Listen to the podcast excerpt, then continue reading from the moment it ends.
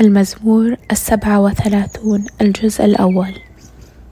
لا يقلقك أمر الأشرار ولا تحسد فاعلي الإثم فإنهم مثل الحشيش سريعا يذوون وكالعشب الأخضر يذبلون. توكل على الرب واصنع الخير اسكن في الأرض مطمئنا وراعي الأمانة. ابتهج بالرب فيمنحك بغية قلبك. سلم للرب طريقك وتوكل عليه. فيتولى أمرك. يظهر براءتك كالنور وحقك كشمس الظهيرة. اسكن أمام الرب وانتظره بصبر ولا تغر من الذي ينجح في مسعاه. بفضل مكائده كف عن الغضب وانبذ السخط ولا تتهور لئلا تفعل الشر. لأن فاعلي الشر يستأصلون أما منتظرو الرب فإنهم يرثون خيرات الأرض.